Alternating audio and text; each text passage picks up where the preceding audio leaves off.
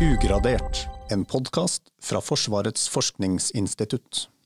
Se for deg et våpen med en lysstråle som er så sterk at den kan smelte metall og stoppe missiler og fly. Er det her bare science fiction, eller er det faktisk mulig å få til? Det er det vi skal finne ut av i dag. Fordi FFI har nemlig et eget forskningsprosjekt som jobber med laser, og der jobber du, Espen Lippert. Det gjør jeg. Velkommen til deg. Takk for det. Først av alt, eh, la oss ta litt voksenopplæring. Eh, de fleste har sikkert hørt om laser, men hva er egentlig en laser? Eh, en laser er jo egentlig en lyskilde. Den er spesiell på den måten den lager lyset på, som er forskjellig fra andre lyskilder som man ikke kaller for laser. Mm. Altså ordene, eller Bokstavene i den forkortelsen laser det står jo for light amplification, er de to første. Og så er det by det som heter stimulated emission, som er på en måte prosessen som gjør at lyset, hvordan lyset genereres. Da.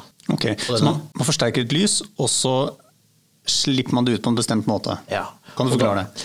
Nei, altså man, man, har, et, man har noen medier da, som har den egenskapen at de kan forsterke lyset gjennom denne prosessen som kalles for stimulert emisjon. Som har med spesielle overganger i atomene som man kan utnytte. Og denne forsterkningen den gjør man da inni mediet, og så setter man rett og slett opp to speil. En i hver ende av dette mediet. Og når lyset da går fram og tilbake gjennom mediet, så blir det stadig sterkere. Og så slipper man ut da litt grann som lekker gjennom det ene speilet. På den måten så lager man lys da. Som lekker gjennom speilet? Ja. Så det er delvis gjennomsiktig speil da, i den ene enden av denne laserkilden. Hvordan var det man oppdaga det her, da? Eh, teknologien kommer jo egentlig fra radar- og mikrobølgebransjen. Mm. Som hadde, hadde drevet med dette som heter maser i ganske mange år. Før man eh, fant opp det med laser. Eh, så den teknologien kommer derfra. Eh, og maser, hva, hva står da, er det, da er det microwaves, okay, ja. ikke istedenfor light. Eh, så eh, det, det, kommer derfra. Mm. Nemlig. Og da, hvor lenge siden snakker vi om nå at laser dukker opp som et fenomen? Ja, man begynte å fantasere om det og regne på det teoretisk på slutten av 50-tallet. Og det var første gang det var demonstrert i 1960. Greit. Og, og det her er jo brukt mange steder i sånn, sivile anvendelser. Vi skal jo egentlig snakke om det militære, men vi må si litt om hva det brukes til sivilt først.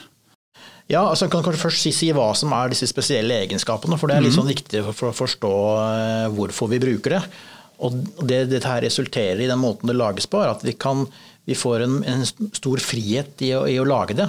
Og vi kan få det til å se ut som Vi kan få masse lys til å gå i én retning.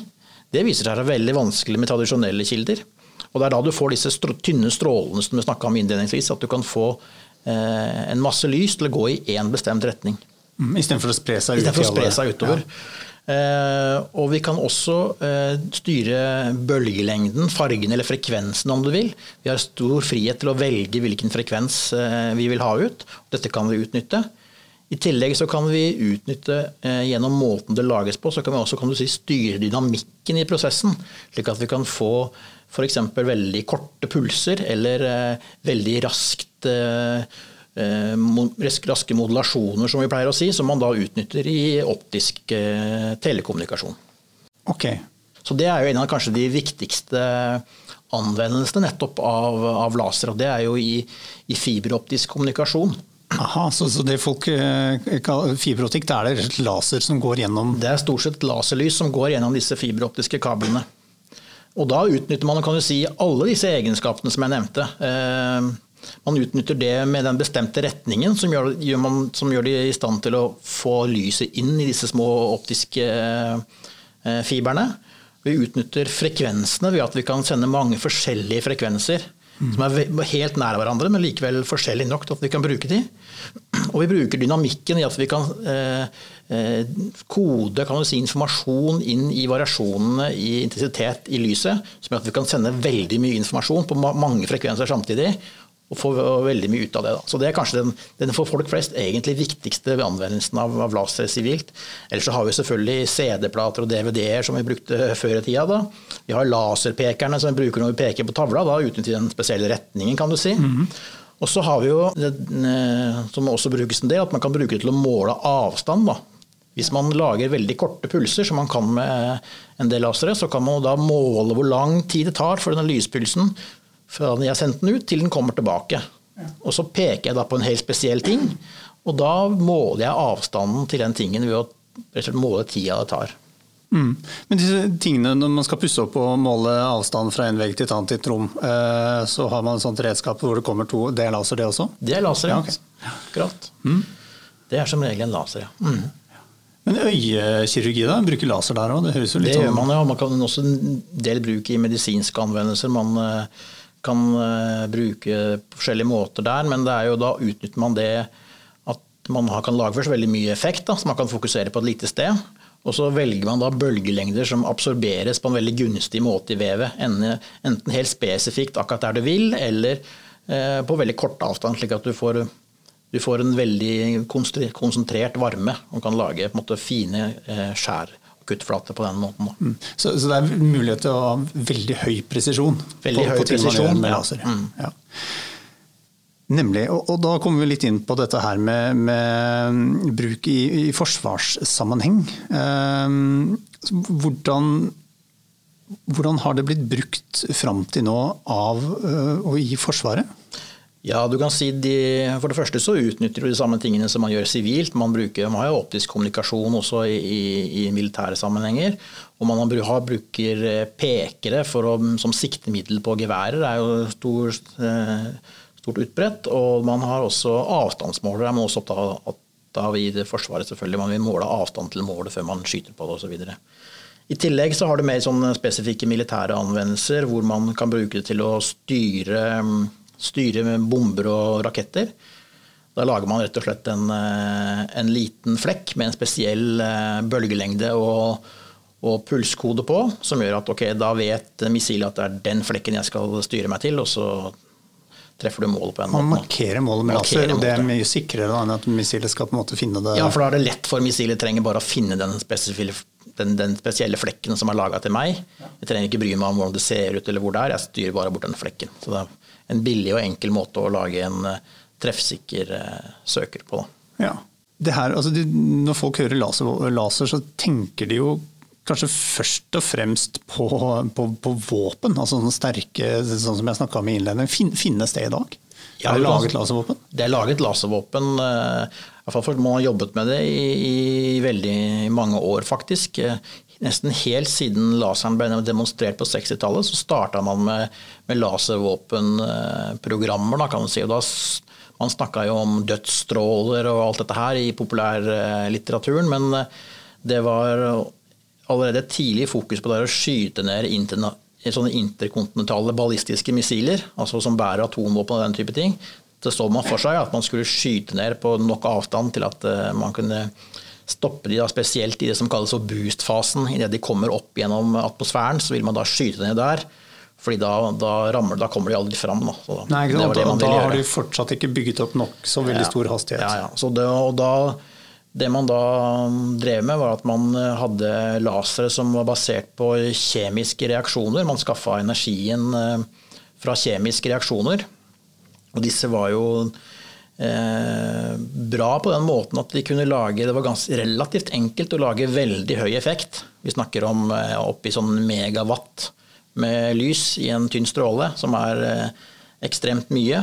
Eh, ulempen var at det var veldig giftige og reaktive kjemikalier. Eh, man kunne bare skyte noen veldig få skudd, og de var store som kjemiske fabrikker. Da. Eh, det mest berømte kan du si, prosjektet er dette som kalles for airborne laser, som slutta i 2015. Og da hadde de brukt eh, mange, mange milliarder dollar uten å oppnå egentlig helt det man starta med. Så problemet var at man hadde, man hadde veldig høye ambisjoner, og man greide ikke å oppnå egentlig tilfredsstillende resultater. Ja, men det Airborne Laser var da snakk om at denne kjemifabrikken skulle være om bord i et fly? En, en stor 747 som man hadde bygd om og satt en sånn teleskop i nesa. Så det blei demonstrert, men det var ikke, ytelsene var ikke nok. Og man hadde egentlig ikke tenkt nok gjennom logistikken bak det her, hvordan man skulle på en måte eh, kunne fylle, etterfylle det med, med de kjemikaliene de trengte, og hvordan de kunne de, Og de fikk nok ikke nok helt rekkevidde til å liksom komme en De måtte være veldig nære. Ja, ikke sant? For Flyet Fly si, må jo ja. være på rett sted til rett tid, da, Ja. fordi man må ha rett, så det- eh, rett sikt. Så det, det ble på en måte da skrinlagt i 2015. Men det som hadde skjedd da i mellomtiden, var at man hadde funnet ut at eh, ok, kanskje det er andre mindre, eh, mindre vanskelige mål man kan bruke også. Ja. Og i tillegg så hadde det skjedd en del ting i eh, industrien som gjorde at det hadde dukka opp anvendelser der man brukte lasere til å kutte og sveise, f.eks. i bilindustrien. Og man hadde fått måtte, ikke megawatt som man hadde jobba med i ABL, men, men eh, noen eh, titalls kilowatt eh, kunne man kanskje da se for seg å få til med den type systemer. Eh, Og det var nok kanskje til å stoppe litt mindre ting. Og I tillegg så hadde det dukka opp disse her eh, dronene, disse små dronene som man eh, snakker mye om. Og de er jo ting som man er litt redd for. Og problemet med de er at de koster jo veldig lite. Så man kunne kanskje skyte de ned med et sånt typisk luftvernsmessil. Men hvis det da koster da mange millioner kroner, og dronen koster bare noen tusenlapper, så blir det et, et veldig dårlig regnskap. Da. Men og da ser man for seg at man kan bruke kanskje lasere til å, til å skyte ned disse. Da vil det jo koste bare kan du si, eh, prisen av litt diesel for å generere den strømmen som man trengte. Eh, Og så vil man kunne ta ut veldig mange på den måten. Mm. Men hva er, de, er noe av dette her laget? Dette er laget, og de aller eh, eh, minst ambisiøse systemene kan man kjøpe hos eh, laservåpen, eller hos våpenindustrien i dag. Og på amerikansk side spesielt eh, så jobber man med å, å, å skalere det videre til noe mer ambisiøse anvendelser. Eh, som kan være f.eks. helikopter, man snakker om eh, granater, man snakker om, også om kryssemissiler faktisk på sikt, hvis man kan skalere effekten til nok. Da. Når du, og da snakker vi om ting som laser kan brukes til å stoppe. Ja, ja. Ehm, og det som er på en måte kjernen i dette her, er at man istedenfor å bruke den kjemiske fabrikken, så bruker man elektrisk drevne lasere. Mm. Det er det som på en måte er eh, nøkkelen til at eh, logistikken går i hop, sånn at det er praktisk å bruke. Ja. Så det er det man jobber mye med i dag. Og også grunnen kan du si som at vi har også blitt interessert igjen, at vi ser at dette kan være noe som er aktuelt for Norge også. Fordi det er ikke bare snakk om mange milliarder kroners eh, systemer, men det er også snakk om ting som eh, kan være relevante for Norge, og også da utfordringer som kan være relevante for oss å se på. Mm. Men de, de praktiske problemene som må løses før man kan på en måte altså Én ting er jo disse kryssemissilene, men f.eks. et helikopter. altså Hvor mye, mye kraft er det som må til? Man, hva skal til for å generere det? Og, og hvilke andre praktiske problemer er det som må løses for å få det til? Altså, det er selvfølgelig vanskelig å lage så mye lys. Det er kan du si, bottom line det som er problemstillingen. Og det som er vanskelig med det, er at det, samtidig som du lager dette lyset, så blir det også masse varme. Og den varmen har en tendens til å ødelegge ting. Da. Du må ledes vekk og, og alt det der. I tillegg så Hvis du skal lage en laser som er så kraftig at den kan skade noe, ja, så får du selvfølgelig det problemet at du kan skade deg sjøl også. på en måte Den kan gå i stykker. da. Mm. Fordi du, du snakker om varme. altså Målet vårt er jo å skape nok varme på målet vi prøver å treffe. Men Ja, ja. du sier at det skapes varme der hvor du Ja, lager fordi den prosessen er ikke 100% effektiv. Nei. Den er kanskje sånn typisk eh, 50% effektiv. Okay. Og resten så du lager egentlig Hvis du lager 1 kW med laserlys, så lager du også 1 kW med varme som du må Kvitte deg med. kvitte deg med. Ja. Det kan være krevende. Så ja, så det er jo kanskje det som er en av utfordringene. I tillegg så er det når, eh, når eh, lysintensiteten blir veldig høy, så blir mange av disse materialene de får sånn rar oppførsel, kan du si. Så de, de oppfører seg ikke lenger sånn som du hadde tenkt, og måtte, prosessene går litt i stykker av det. da. Materialene du treffer. Nei, materialene du bruker til å lage lyset Ja, med. Okay. De, de blir det vi sier ulinjære på et vis. Altså de oppfører seg ikke lenger sånn som eh, de burde. Det ville man unngå. Det vil man prøve å unngå, ja. Riktig. Så i tillegg til og vanskeligheter med å lage lyset, så er jo i bruk så er det jo litt problemer med dette her som skyldes eh, øyeskader. Da. Altså det er jo veldig kraftige lyskilder det her. Og i den grad eh, man bruker bølgelengder som når inn på netthinnen, så kan det være problemer for å hvis noen skulle måtte se på målet, f.eks., så vil det kanskje være nok til å gjøre deg mer eller mindre blind. Da, hvis du velger kan du si, typisk da, gæren bølgelengde. Så derfor så ser vi også litt på om vi kan bruke lasere som har litt snillere farge, om du vil. Ja. Som ikke går helt inn i, til nettinnhold. Sånn at ikke folk som tilfeldigvis er i nærheten blir blinde. Eller, ja. Eller kanskje også relevant i militær sammenheng, at ikke de sensorene du bruker til å, til å orientere deg i, i, miljøet, også går i stykker. Da, for de vil også kunne gjøre det. Mm. Men sånn som du, det du snakka om i stad, med at man bruker eh, laser til å kutte ting og sveise. Altså da, jo, da, har man jo et mål som står stille, og man kan bruke så lang tid man trenger. Men mm. det må jo være et problem hvis du skal treffe noe som er, beveger seg veldig raskt. Har man løst det problemet? Nei, det er også en del selvfølgelig av utfordringen. At uh, du må finne en måte å, å levere etter lyset med den ønska presisjonen som skal til. Da. Du er jo avhengig av den lille flekken som du lager på målet og leverer all energien din i, den må jo helst være på samme sted hele tiden. For det er også noe som er uh, litt viktig å se for seg at uh, okay, selv om du kan liksom levere energien på målet med lysets hastighet, Eh, så må du holde strålen der en stund for å få levert nok energi til å enten smelte hull eller, eller hva det er du, hvilken mekanisme du bruker for å ødelegge. Mm. Så det er selvfølgelig krevende å få levert energien på målet. Og I tillegg så blir jo eh, dessverre rekkevidden i sånne systemer nokså begrensa, fordi eh, turbulens i atmosfæren er, viser seg å være en veldig begrensende faktor. Mm. Strålen har en tendens til å bryte opp kan du si, og bli veldig stor eh, bare etter noen eh, få kilometer pga. Liksom de små variasjonene av tetthet som naturlig er i atmosfæren. Ja, Temperatur og Ja, Som bare skyldes egentlig bare luftstrømmer, kan du si. da. Ja. Mm. Hvor lang rekkevidde har et laservåpen? Går det an å si noe? Nei, eh, hvis du ikke gjør noen ting spesielt, så er det vanskelig faktisk altså, Og det her, en ting som er viktig også, er at det er stor avhengighet av, høyde. Lavt over bakken, der hvor lufta er tett, så har det kanskje ikke noe mer rekkevidde enn noen veldig få kilometer, sånn to, tre, fire. Og så er det, men så er det forskjellige eh, faktiske triks man kan gjøre. Da. Mm. Eh, og det går på hvor, at man kan rett og slett kompensere for disse variasjonene i, i lufta. Eh, gjennom det man kaller for adaptiv eh, optikk.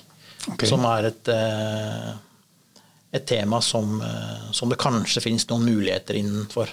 Som gjør at man kan da kanskje i, ved bakkehøyde får rekkevidder opp mot 10 km.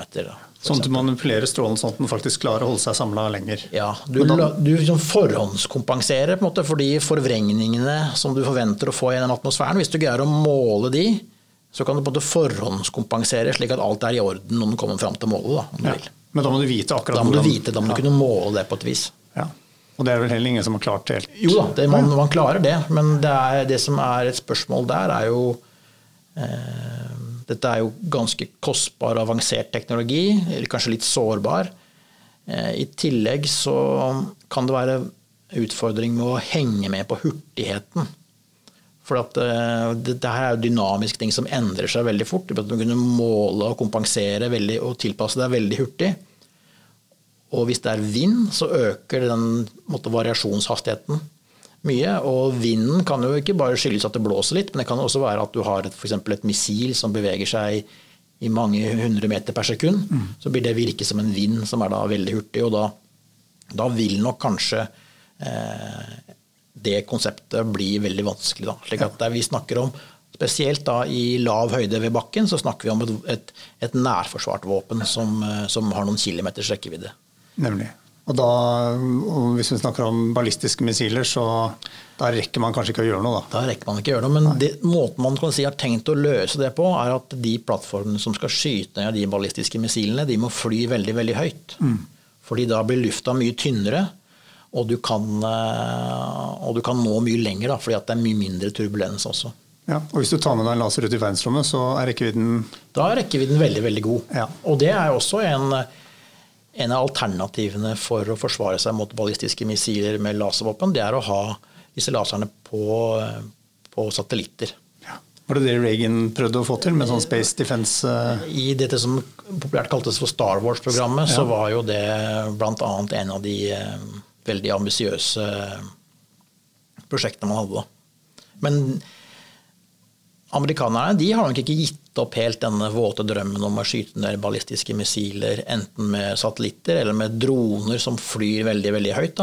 Mm. Eh, men eh, Og de får nok fortsatt penger til det. Hvis man følger med på budsjettene i USA, så ser det ut som de fortsatt er ivrige på å sponse den type forskning, da, men det er nok eh, forsk ting som ligger veldig langt, som ser ut som ligger veldig langt frem i tid i dag. Mm. Og da er det også verdt å merke seg at det her med laservåpen har jo litt så vært som en sånn eh, anvendelse som ser ut som alltid har ligget ti år fram i tid. Og det, det ligger fortsatt ti år fram i tid? Og det ligger fortsatt ti år fram i tid. Men nå har man kanskje, kan du si, disse mer eh, lavskala anvendelsene. De ser mye mer realistiske ut, og man ser alle, man har gjort demonstrasjoner. man har i USA på en måte overført systemer til, eh, til soldater som på en måte får, får, får utprøving, nødvendigvis, men det har eh, da på en måte blitt mye mer praktisk. og man kommer nok til å ha på amerikansk side ha på en måte operative systemer innen de nærmeste veldig få årene. Da snakker vi to, tre, fire, ikke, ikke ti. da. Ok, hva, hva, slags systemer er det de har? Altså I år så kommer de vel til å ta i bruk systemer som har 50 eh, kW utgangseffekt som kan skyte ned skilt sånn halvstore droner og kanskje noen små, små raketter. Er, er, det da apparater som soldater kan bære rundt? Nei, de kan ikke. De er da på disse sånne eh, striker-kjøretøyer, som er litt eh, pansrede kjøretøyer, kan man si. Da. Men det er flott kjøretøyer. Mm. Nemlig. Vi, vi, vi, skal bevege oss fra USA og, og hjemover, for vi, vi har jo vårt eget uh, ja, vi jobber jo med disse problemstillingene vi òg, for, for, å se hvor, hvor relevant det er for oss. Ehm, hvor lenge er det vi har forska på, på, laser? På lasere har vi, vi har jo si, fulgt med denne utviklingen helt siden 60-tallet, egentlig. Eh, og, og, hatt fokus på de da, anvendelsene som var sett som mest relevante. Eh, I mange år så jobba vi med det her med blending og narring av missilsøkere. Var en, en viktig ting vi drev med. Eh, men nå har vi da også begynt å se på det her om lasere kan brukes som våpen. Og da ser vi jo på teknologien, for første. Laservåpenteknologien. Og da er det jo egentlig hvordan kan vi lage alt dette lyset? Hvordan virker den teknologien som, eh, som gjør at vi kan lage det så mye lys? Og også selvfølgelig hvordan kan vi få den levert, hvordan kan vi peke nøyaktig nok på et mål til at eh, det virker troverdig, og hvilken rekkevidde kan man da essensielt få ut av det. Mm. Men så ser vi jo også på hvordan hvordan kan man beskytte seg? Ja. Eh, for det, selv om vi aldri får et eneste laservåpen i Norge, så kan det være viktig for oss å tenke ok, hvordan skal man beskytte seg mot dette. For det kan jo være at andre, både allierte styrker og andre, måtte vil, eh, vil eh, ha laservåpen. Hvordan beskytter man seg mot laser? Det kan du si er jo en av kan du si, svakhetene med, med laservåpen. At det i prinsippet er ganske lett å beskytte seg mot en laserstråle. Du trenger bare et veldig godt speil. Ja. Eh, så, så, da handler det om hvordan på en måte, gjøre eh, overflater veldig reflekterende. Eh, og, og, i tillegg da tåle godt med varme uten å miste den, miste den egenskapen. Mm. Man, man, kan jo ikke liksom kle, kle, ting med speil, men hva slags, hva slags materialer er det dere jobber med da?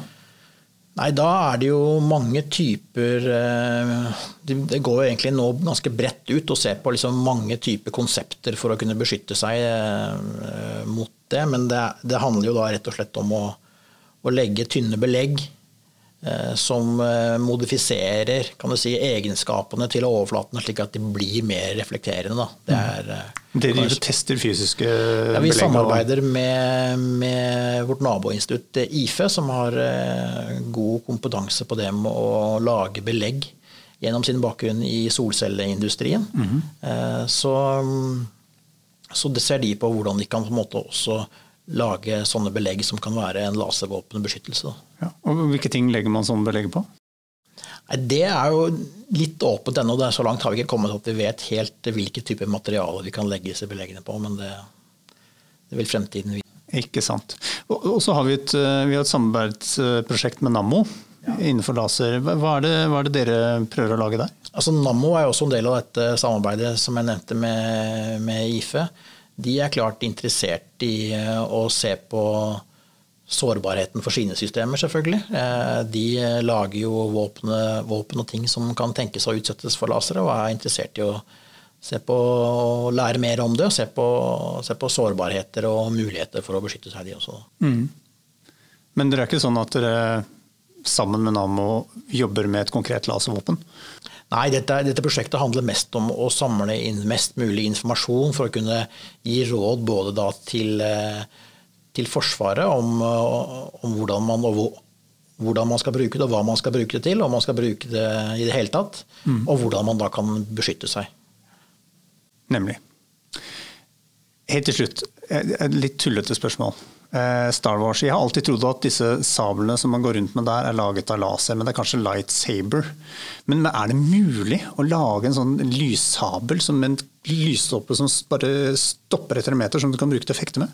Nei, jeg kan ikke helt se for meg hvordan det skulle foregå. fordi eh, lyset du sender ut i en retning, det vil bare fortsette helt til det er kan du si, absorbert. Da. Så det er vanskelig å få til å bråstoppe sånn midt i lufta. Dessuten så kan jeg ikke helt se for meg hvordan man kan liksom få nok eh, energi ut av et sånt lite håndtak til å gjøre noe særlig skade eller på den måten. Så jeg tror, jeg tror, ikke noe særlig på det der. Ja, men det ser veldig kult ut, da. Og disse, en annen ting jeg lurer på, jeg må bare spørre om det. Eh, lightsabers de har jo en veldig kul lyd, men har laserstråler lyd? Ja, det kan man vel se for seg. at Hvis man eh, sender en laserstråle gjennom noe som absorberer litt, så vil man kanskje kunne høre det hvis man beveger denne laserstrålen rundt omkring. Personlig så har jeg aldri hørt det. Nei, Men, men teoretisk kan man se for seg at en laserstråle, energien der, gjøres om til lyd når det treffer noe? Ja, hvis det, hvis det varmer opp vann i lufta f.eks., så kan det kanskje lage noen trykkbølger.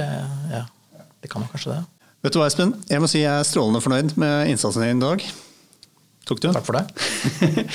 Eh, det blir veldig spennende å se hva dere får til, og hva dere finner ut. Eh, tusen takk for at du kom, og takk for at dere der ute hang med helt eh, til slutten. Vi er tilbake om ca. to uker med en ny podkast fra FFIs forunderlige verden. Takk for nå.